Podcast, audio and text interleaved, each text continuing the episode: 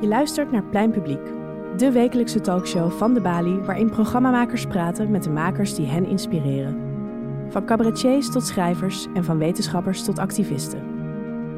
Programmamaker Rosalie Dielissen gaat in gesprek met regisseur Milou Gevers. In 2020 studeerde ze af aan de Nederlandse Filmacademie met de documentaire Waarom bleef je niet voor mij? In deze documentaire vertellen vier kinderen die tijdens de basisschool een ouder verloren aan zelfmoord over de reis die ze aflegden vanaf het moment dat ze het nieuws hoorden. Milou heeft dit zelf ook meegemaakt en stelde de vragen die niemand haar destijds durfde te stellen. Hoe autobiografisch is haar werk? En hoe maak je zulk werk zonder jezelf helemaal bloot te geven? Je gaat luisteren naar Rosalie Dielissen in gesprek met Milou Gevers.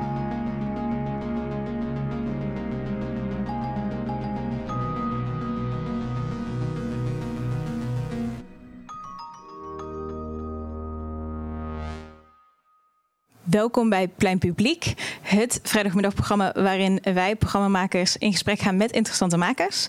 Ik ben Rosalie Dielissen, programmamaker bij de Bali. En ik zit hier naast de fantastische Milo Gevers, regisseur. Milo, jij bent in 2020 uh, van de Nederlandse Filmacademie afgestudeerd. Je hebt daar een film gemaakt die heet Waarom bleef je niet voor mij? Dat was ook je afstudeerproject.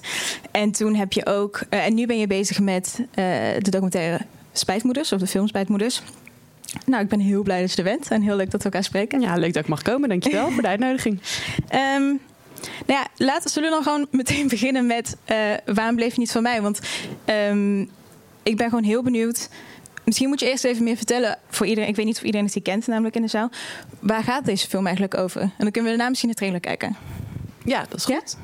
Ja? Um, nou, het gaat, het gaat over vier kinderen die een ouder zijn verloren aan zelfdoding. Um, en zelf heb ik dat ook meegemaakt met mijn moeder. Um, en eigenlijk in deze documentaire ging ik voor het eerst uh, andere kinderen ontmoeten die hetzelfde hadden meegemaakt als ik. Uh, en het er open met hun over hebben. Um, heel anders dan uh, de schaamte waar ik tot dan toe aan gewend was. Ja, nou, ik heb er natuurlijk duizend vragen over. Maar um, nou, laten we gewoon eerst naar die trailer kijken en dan kom ik met mijn vragen. Waar ben je bang voor? Uh, bijvoorbeeld uh, dat hij niet genoeg van me houdt. Of dat het mijn schuld was en zo.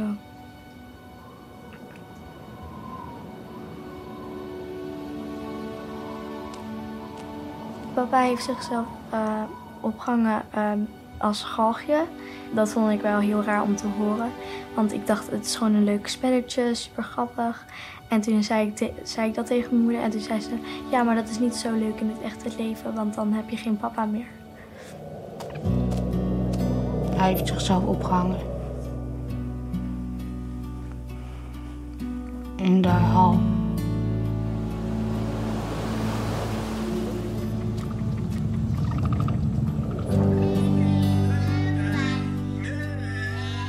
Hij zou nooit gelukkig zijn. Dus dan is het beter dat hij ja, zo uit zijn lijden verlost is. Het was zo erg dat hij er gewoon het, niks kon hem meer blij maken. Dus ja, wij ook niet.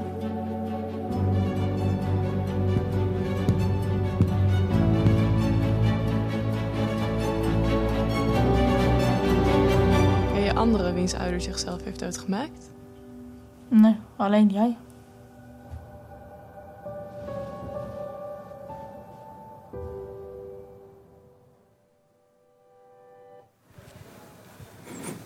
Nou, ik denk dat dit echt een van de.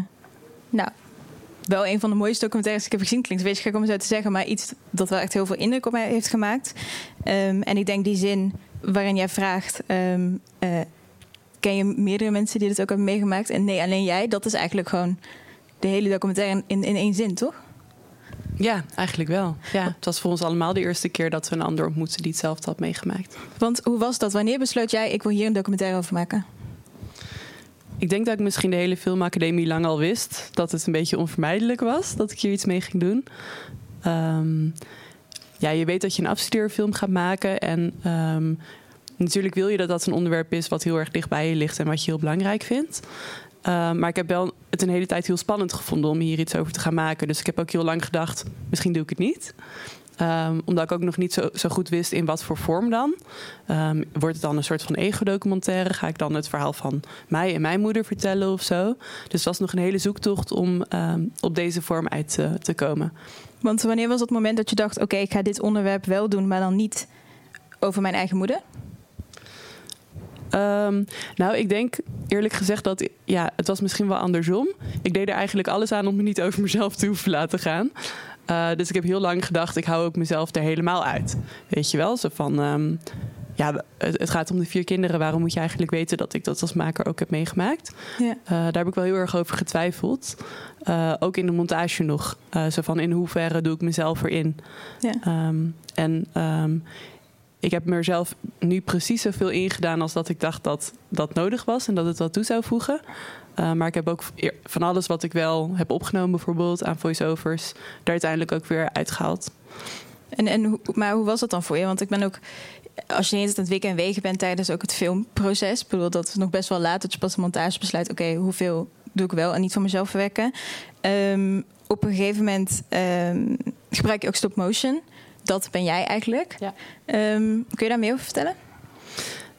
Ja, dus in de stop motion heb ik eigenlijk um, in verschillende hoofdstukken mijn eigen reis geprobeerd samen te, vak, te, te vatten. Dus bijvoorbeeld um, het hoofdstuk Het Boze Bos, uh, waarin de woede tegenover mijn moeder en de gevolgen uh, van haar beslissing. Um, en de waterval van tranen. En zo eigenlijk door een soort ja, kinderboek bijna misschien. Uh, van landschappen. Uh, maar tijdens het filmen van die animatie dacht ik nog. Um, misschien is dat het verhaal gewoon van alle kinderen bij elkaar of zo. Of van de kinderen. Um, en hoe hun toekomst eruit zou kunnen zien. Maar toen had ik nog niet definitief besloten dat dat poppetje mij zou zijn. Uh, we noemen dat poppetje al wel Mila tijdens het opnemen. En ik ja, heet Milou. Um, en um, later zeiden heel veel mensen... ja, dat poppetje lijkt ook zo op jou. Want ik had ook altijd een gele trui aan en, en dat haar. En toen dacht ik, oh, misschien wist ik toch al stiekem dat ik het was. Maar was ik nog even aan het ontkennen dat ik het was. Uh, omdat ik het gewoon heel spannend vond... om iets van mezelf eigenlijk te delen in die documentaire. Omdat voor mij was het hele onderwerp ook um, gehuld in schaamte... Um, en um, ja, ik was gewoon nog niet uh, uh, out and proud over dat onderwerp op dat moment. Dus dat vond ik wel heel spannend. Ja, en de, die Mila die, die, die zegt dan dingen ook. En die, die, die praat ook over uh, de, dus de water van tranen bijvoorbeeld. Wanneer zijn dat dan dingen die jij zelf hebt opgeschreven ooit? Zijn het dingen die je hebt, ter plekke hebt bedacht? Hoe is dat gegaan dan? Um, ja, dat zijn dingen die ik zelf heb opgeschreven. Um, in eerste instantie niet voor dat doel om het in een film uh, te laten komen, maar gewoon teksten die ik in de loop van de jaren heb geschreven. Tijdens um, de documentaire of daarvoor al? Daarvoor ook al. Um, ja, en dan eigenlijk de, de soort van kernzinnen daaruit, denk ik. ja, en, en daarmee heb ik dus geprobeerd om eigenlijk ja, dat wat de kinderen uh, vertelden, ja, dat ook te visualiseren en voelbaar te maken. Um, en ook had ik het gevoel alsof de film wel wat ademruimte en wat licht kon gebruiken. Want de interviews um, waren best wel intens voor mij en voor yeah. de kinderen en voor de kijker ook. Um, dus daar, is, daar helpt de animatie denk ik ook uh, voor. Maar hoe was dat dan om die kinderen te interviewen bijvoorbeeld? Spannend. heel spannend. Uh, omdat ik, ze, ik wist dat ik ze dingen ging vragen die ik zelf ook heel erg spannend vond om te vragen. Um, en ook dat ik ze best wel gewoon direct en op de man af zou gaan vragen. En wat voor vragen bijvoorbeeld? Um, wat vond je de allerspannendste vraag om te stellen bijvoorbeeld? Misschien wel waarom denk jij dat papa het heeft gedaan? Um, die vond ik wel heel spannend. Um, en misschien ook wel... ben je bang om op papa te gaan lijken? Ja. want je wil een kind natuurlijk absoluut niks aanpraten. Um, maar ik wist van tevoren wel door alle research uh, gesprekken en ook um, van gesprekken met hun moeder. Um, dat de kinderen aan wie ik die vraag heb gesteld, dat die daar inderdaad uh, meedeelden. De angst om zelf ook depressief te worden of yeah. ja, te gaan lijken op hun vader. Maar dat vond ik wel een spannende vraag om te stellen. Ja. En denk je dat die spannend was omdat je die vraag ook aan jezelf wilde stellen, bijvoorbeeld? Of niet aan jezelf stelde? Nou, dat, dat is een, eh, een, een van mijn angsten eigenlijk altijd geweest. En is nog steeds wel een beetje. Eh, zo van word ik zelf ook depressief. En ehm, ehm, hoe kan ik erop vertrouwen ehm, dat, mijn, dat mijn geest dit zal blijven doen, zeg maar. Ja. Ja, dat, dat vind ik nog steeds altijd heel erg spannend. Dus ik vond het ook een heel spannende vraag om te stellen, omdat zelf had ik daar, heb ik daar ook jaren voor nodig gehad en ben ik nog steeds mee bezig om daarmee in het reinen te komen eigenlijk. ja. En hoe reageerden die kinderen daar dan op, op die vraag? Opluchting. Ja? Opluchting dat, dat, eh, dat iemand dat benoemde wat er in hun hoofden afspeelt, eh, maar wat niemand eigenlijk zegt. Ja, want ze waren Ja. extreem open, die kinderen eigenlijk, toch? Ja, ja, dat was natuurlijk niet van de een op de andere dag. Dat is wel gekomen doordat we een hele tijd al eh, elkaar hebben leren kennen en al veel meer over het onderwerp hadden gepraat. Ehm, dus op het moment dat we het interview gingen doen, ehm, ja, was er wel een soort eh, vertrouwen, denk ik, tussen ons. Ehm, en waarom kinderen, niet volwassenen? Ehm, nou, ik heb het zelf vanuit het perspectief eh, van een kind met een ouder meegemaakt. En ik, heb eigenlijk, ik had eigenlijk al wel heel veel films gezien over, ehm, over volwassenen eh, die moesten dealen met zelfdoding. Eh, soms van een ouder of soms van een eh, vriend of vriendin. Maar ik had het eigenlijk nooit gezien vanuit het perspectief van kinderen. Ehm, en ik, ik wilde heel graag dat perspectief laten zien, omdat ehm, ja, de perspectief is gewoon heel erg anders dan volwassenen. Ja. Het eerste, ja, grote verschil, ja. Nou, dat, dat heb je ook nog wel als volwassene, maar ja, het, het loyaliteitsconflict eigenlijk. Ehm, aan de ene kant moet je verzorgd worden door je ouders en moet je op hun eh, vertrouwen. Mhm. Ehm, en aan de andere kant ehm, zorgden zij dus ook voor hun vader in dit geval. En waren ze na hun dood dus ook kwaad op hun ouder, van wie, wie ze tegelijkertijd ook hielden.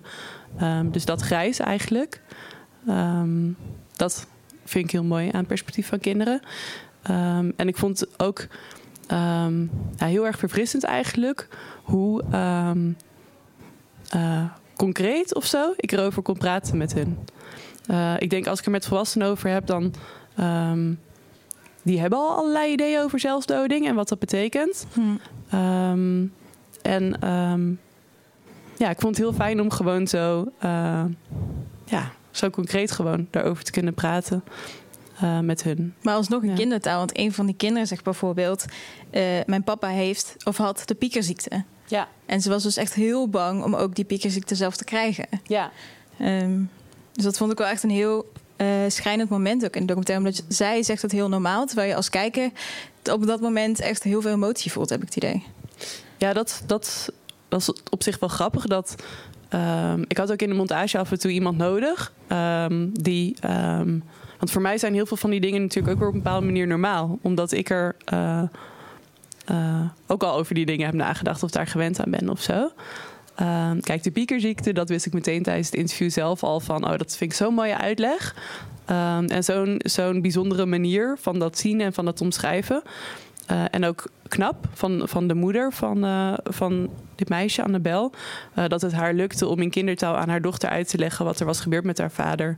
Waardoor haar dochter eigenlijk ehm, dat beter kon accepteren.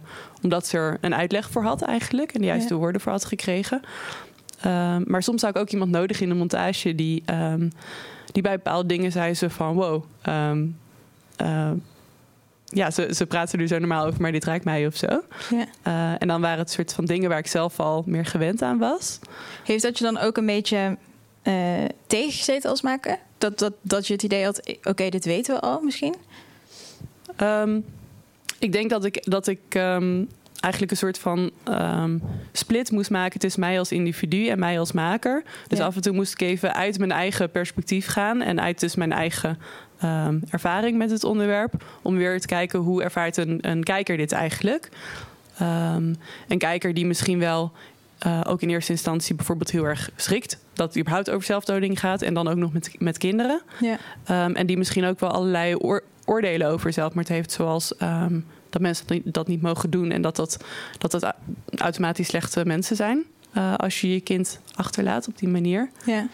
Ehm, dat was bijvoorbeeld een van de dingen die ik heel graag wilde laten zien in deze film. Dat het voor kinderen van eh, niet zo makkelijk is om op die manier zo zwart-wit te denken. Nee.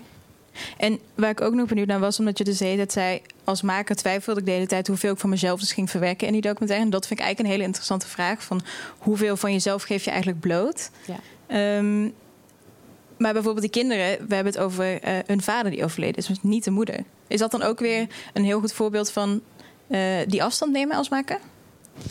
Um, dat is eigenlijk toeval. Dat het, uh, dat het allemaal kinderen zijn die hun vader hebben verloren. Eigenlijk was ik op zoek naar een mix. Um, dus um, net zoals dat ik op zoek was naar een mix tussen, tussen jongens, meisjes en verschillende manieren van ermee omgaan. Want alle vier hebben ze heel erg hun eigen wijze om ermee om te gaan. zo was ik dus ook op zoek naar uh, ja, eigenlijk dus verschillen in yeah. alle opzichten, zodat ze elkaar aanvulden. Nu ben ik even de vraag vergeten. Uh, waarom je vader had gekozen en niet moeders? Oh ja, precies. Ja. Nou ja, ik vond dus alleen maar uh, kinderen uh, waarvan de vader was overleden. Dus moeders die dan de kinderen opgaven om hier aan mee te doen. Ja. Um, dus dat vond ik wel heel opvallend. Um, ik denk dat dat enerzijds te maken heeft met dat moeders het misschien meer van belang vinden dat hun kinderen erover praten en het actief verwerken. Um, en anderzijds is het ook zo dat meer vaders uh, zelfmoord plegen dan moeders. Dus dat, er, dat het wel een kleinere kans was dat ik, uh, ja, ja. dat ik kinderen zou vinden die ook moeder waren verloren. En kwam, om, omdat met die twijfel, dus, dus die afstand, kwam je jezelf dan ook heel erg tegen het maakproces? Um, ja, ik denk dat ik het wel uh, met, name, met name het stuk van hoeveel doe ik er van mezelf in, dat was wel een hele uitdaging.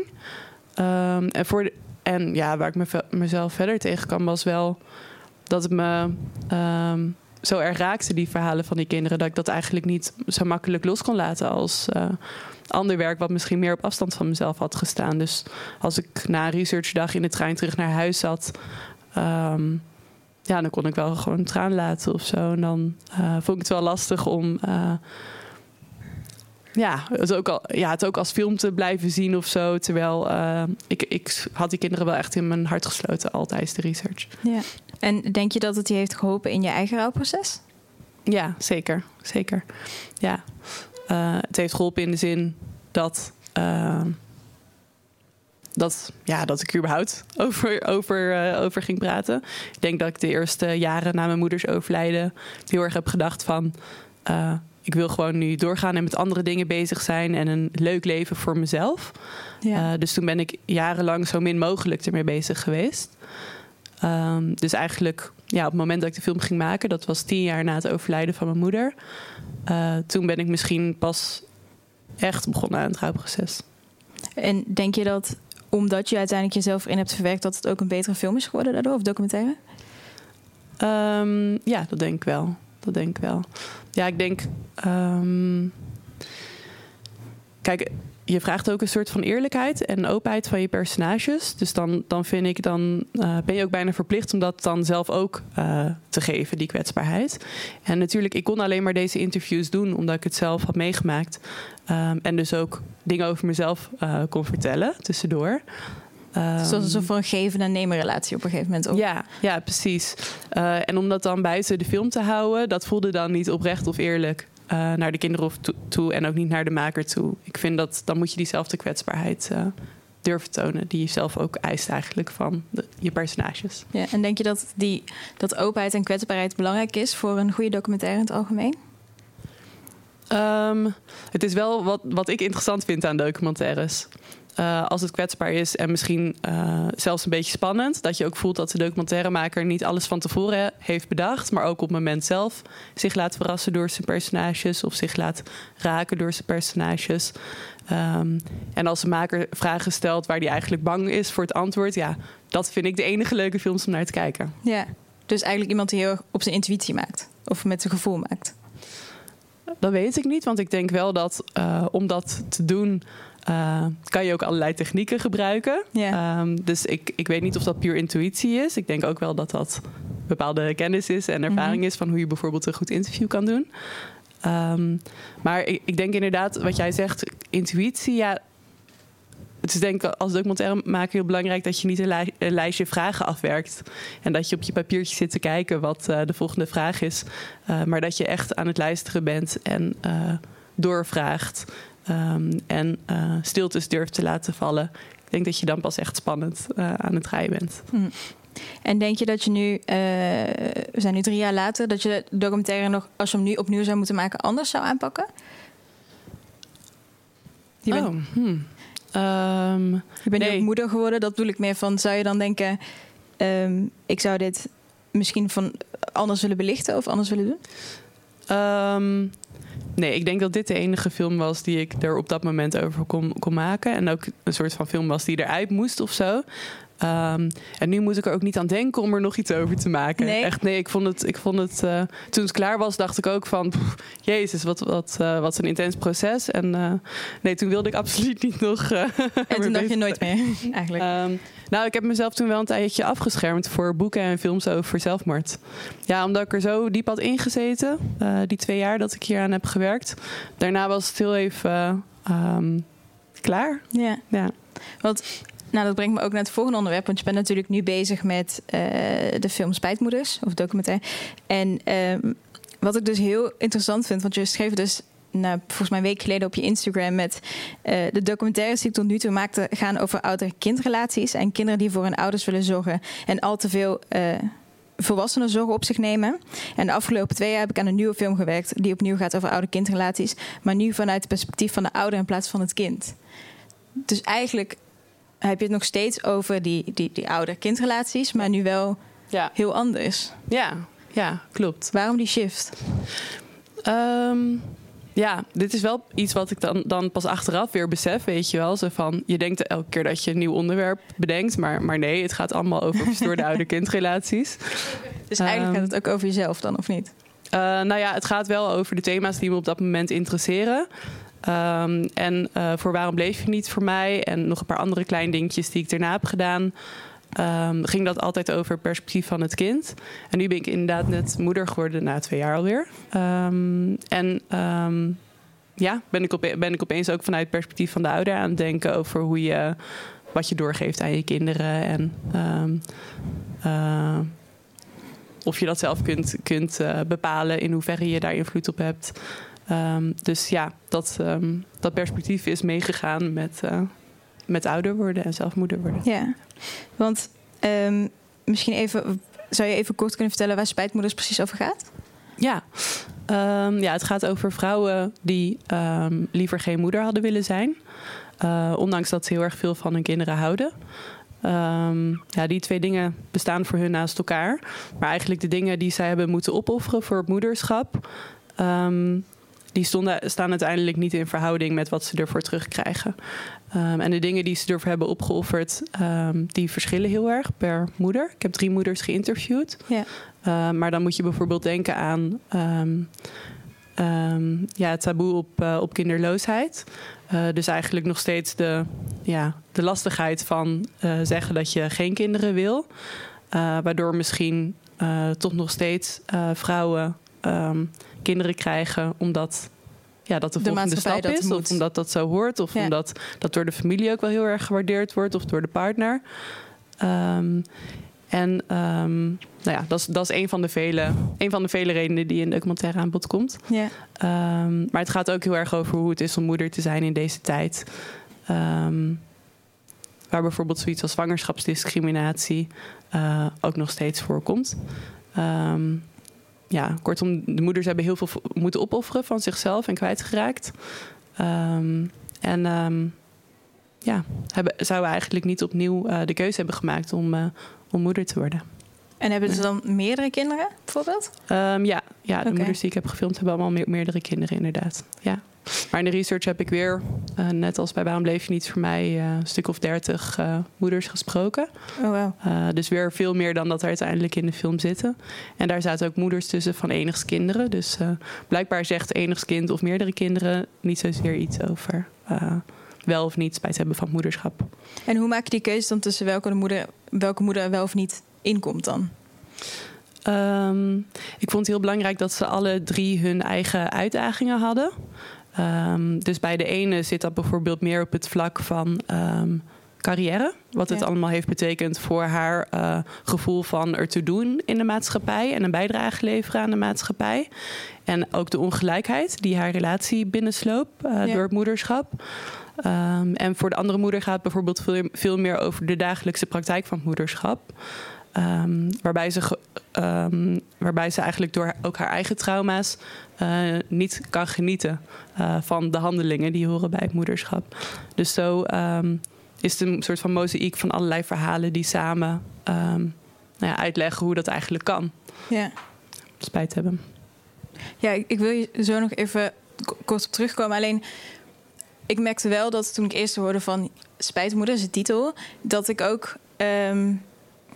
Boos is niet het goede woord, maar dat ik wel dacht: hoezo geef je moeders die spijt hebben een platform? En hoezo is dat? Toen kwam natuurlijk boven Erve Dorens met het idee: eh, wij gaan nu spijtmoeders interviewen. En toen was er ook heel veel negatief, waren, daar, waren er ook heel veel negatieve reacties over. Ehm, hoezo heb je voor deze titel gekozen eigenlijk? Ik heb eigenlijk alleen voor de titel gekozen omdat dat het woord was wat op dat moment al gebruikt werd in de krant. Ja, Ehm, zelf zou ik het misschien liever willen noemen eh, moeders die geen moeders zouden willen zijn, bijvoorbeeld. Ehm, maar ik denk, ja, spijt is gewoon een heel erg lastig woord.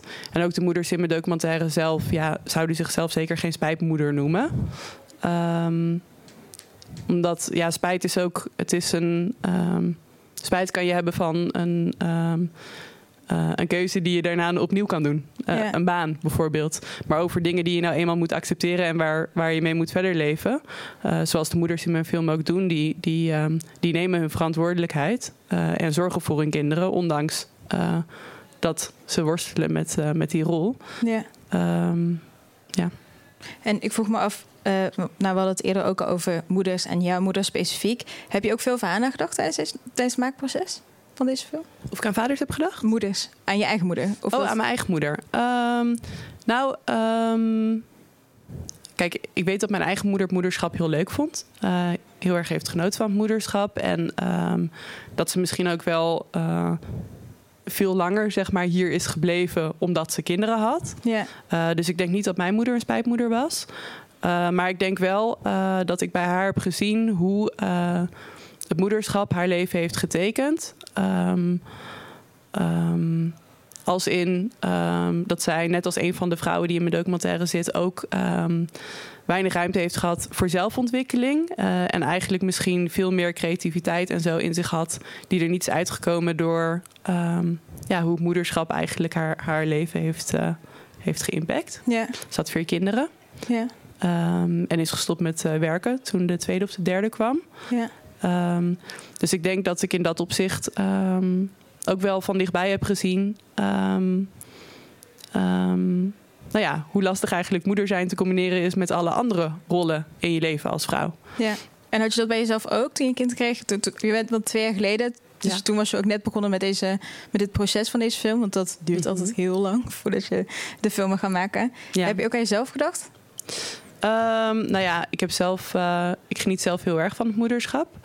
Ehm, maar ik denk wel dat het heel belangrijk is dat er, ehm, ja, dat er aandacht is eigenlijk voor de uitdagingen eh, waar moeders ook nog steeds nu voor staan. Ja, en dat het echt helemaal niet makkelijk is, eh, nog steeds niet, om alles te combineren als vrouw. nee. Dus in dat opzicht. Het, het is heel- ook heel moeilijk om documentairemaker en moeder tegelijkertijd eh, naast elkaar te staan. Dus in dat opzicht kan ik me heel goed herkennen. Hoe In, bedoel eh, je? ehm, het is moeilijk om te combineren. Ja, Als een letterlijk. ja letterlijk. Gewoon Ja. draaidagen zijn moeilijk combineren. Of, Ja, ja. ja, je bent afhankelijk dan van, eh, van een vangnet eigenlijk, van een Ja. sociaal vangnet. Ehm, en als je, dat, als je dat niet voldoende hebt, bijvoorbeeld omdat je naar de andere kant van het land verhuisd bent, dan kan ik me heel goed voorstellen hoe het moederschap veel zwaarder kan zijn. Ja. En ehm, heb je ook eh, voor die moeders. Met, had je meteen begrip voor die moeders toen je hen moest interviewen? Of voelde je, wat, wat voelde je eigenlijk tijdens het maken van die interviews? Want bij, die kinderen zei, bij de kinderen zei je van... eh er waren hele spannende vragen die ik niet durfde te stellen. Had je dat nu ook? Ehm, ja. Ik denk omdat het weer. ehm, kijk, ik vind eigenlijk net als de kinderen die ik heb gefilmd. voor Waarom bleef je niet voor mij. vind ik de moeders die dit durven te vertellen ook heel erg dapper. Ja. Ehm, omdat het toch wel echt volkomen taboe is. En eh, het ook gelijk verwaard wordt met dat je niet van je kind houdt of niet van je kind zorgt. Ja. Ehm, en dat was voor mij heel belangrijk om wel ehm, de moeders die ik dan uiteindelijk in de documentaire aan het woord laat, ehm, dat dat wel moeders waren die wel hun verantwoordelijkheid nemen. Dus ze zijn niet weggegaan bij hun kinderen dan? Ze hebben allemaal nog contact met hun kinderen Ja. en proberen er het beste van te, van te maken eh, Ja. onder de omstandigheden eh, die er zijn. Dus ja, dat was in, in de zoektocht was dat, eh, was dat wel heel belangrijk. Dat ik dus ook inderdaad begrip en mededogen voor ze kon hebben. En voor de vrouwen die erin zitten, heb ik dat. Ja, Ja. zeker. En, en hoeveel van jezelf heb je nu verwerkt in deze, in deze documentaire, als ik dat zou moeten vragen? Ehm, weinig. Ja, nu ben ik echt, eh, nu ben ik echt ehm, een, een maker, eh, een medemoeder, dat wel. Ja, Ehm, die vanuit, eh, die vanuit eh, interesse en nieuwsgierigheid een interview kan doen, maar niet vanuit eh, lotgenotenpositie. En dat vond ik ook wel heel erg prettig. Nou, waarom bleef je niet voor mij? om mijn volgende project, dat dat iets zou zijn wat me heel erg zou fascineren en zou raken en zou boeien. Maar niet iets wat direct weer over mijzelf zou gaan. Nee, dus je nam het ook minder mee in de trein bijvoorbeeld, zoals je net zei. Ehm, nee, toch wel. Ik, ik, ik, ik duik toch wel weer dan helemaal zo'n film in. En dan eh, zie ik ook de hele wereld gefilterd door die bril. ja. Ehm, en dan lees ik alleen maar boeken daarover, alleen maar films ervan. Zelfs mijn Instagram-feed is dan opeens een soort Alleen van feministisch pamflet geworden, weet je, door Ja. deze film. Dus ja, ehm duik er toch wel weer helemaal eh het first in. Ja. Vind het, het lijkt me natuurlijk ook fantastisch, maar aan de andere kant ook best wel moeilijk dat je gewoon de hele tijd geconfronteerd wordt met het onderwerp waar je mee bezig bent. Je kunt niet op vrijdag zeggen: Oké, ik ben er klaar mee, ik zie dit onderwerp maandag weer. Ja, ik, ik, ehm, ik probeer ook telkens om een soort van lichter onderwerp te bedenken of zo. maar op de een of andere manier eh, ja, zijn dit gewoon de onderwerpen die ik van, ja, waarvan ik het van belang vind dat ze gemaakt worden. Ja. Ehm, maar soms heb ik wel eens behoefte aan een, eh, aan een lichter onderwerp. Maar gelukkig zit er ook in Waarom bleef je niet voor mij en ook in Spijtmoeders zit, zit ook eh, luchtigheid en zit ook liefde. Dus ehm, ja, het, het lijken misschien hele zware onderwerpen en eh, dat, dat is het ook gedeeltelijk.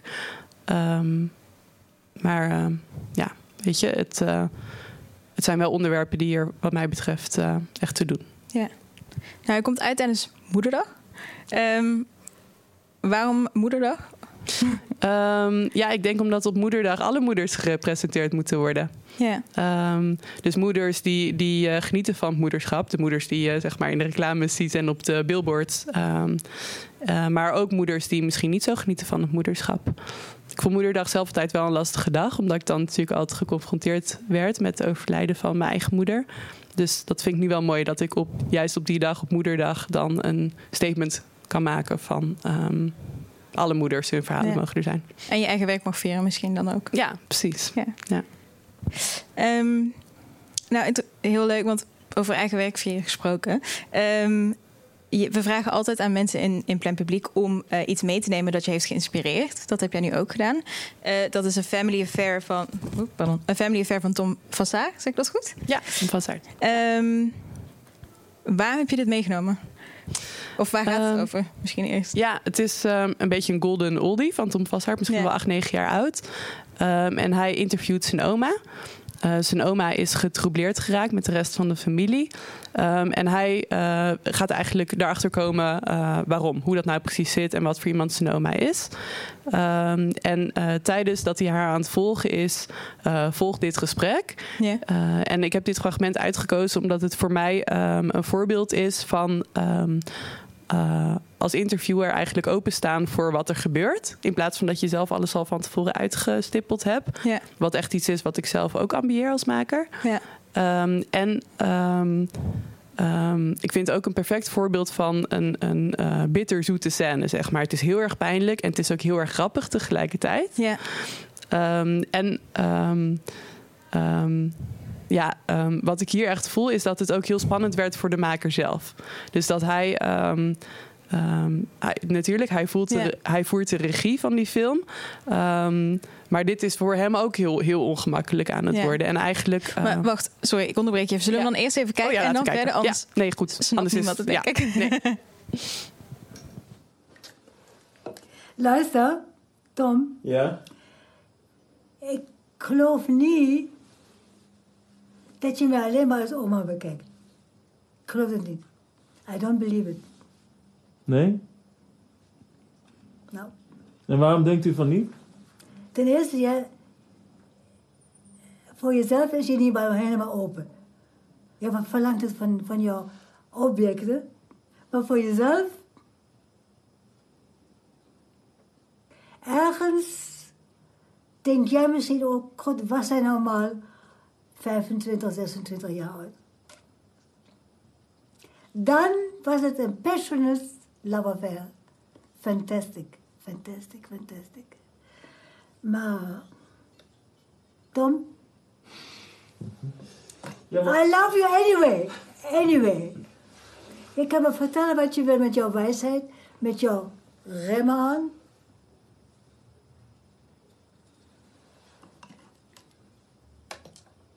Maar het gaat er bij u niet in dat ik, dat ik u alleen maar als oma zie. En als iemand die, die, Ja. die mij interesseert.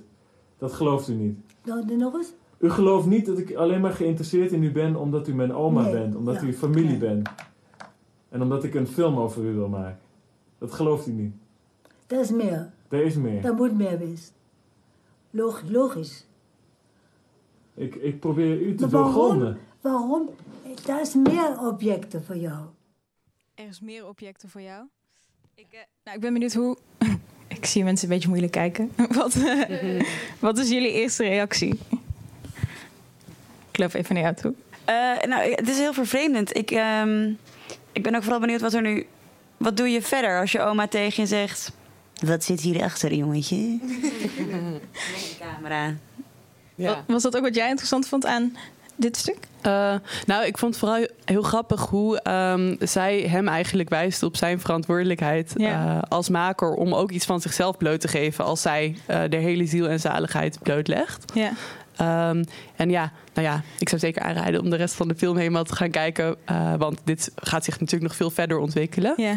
Ehm, en ja, het is, het is wel een vrouw die. het is een heel interessant personage, denk ik, omdat ze ja, iets sympathieks en ook iets heel onsympathieks heeft. Ook iets heel gekkigs. Ja.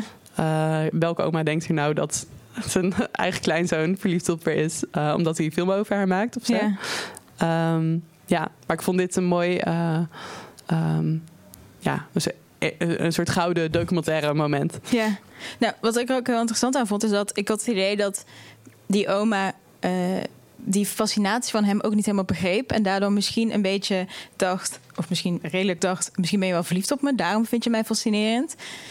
En dat is ook denk ik iets waar ik als maker mee, heel, erg, heel erg mee zou zitten van hoeveel afstand bewaar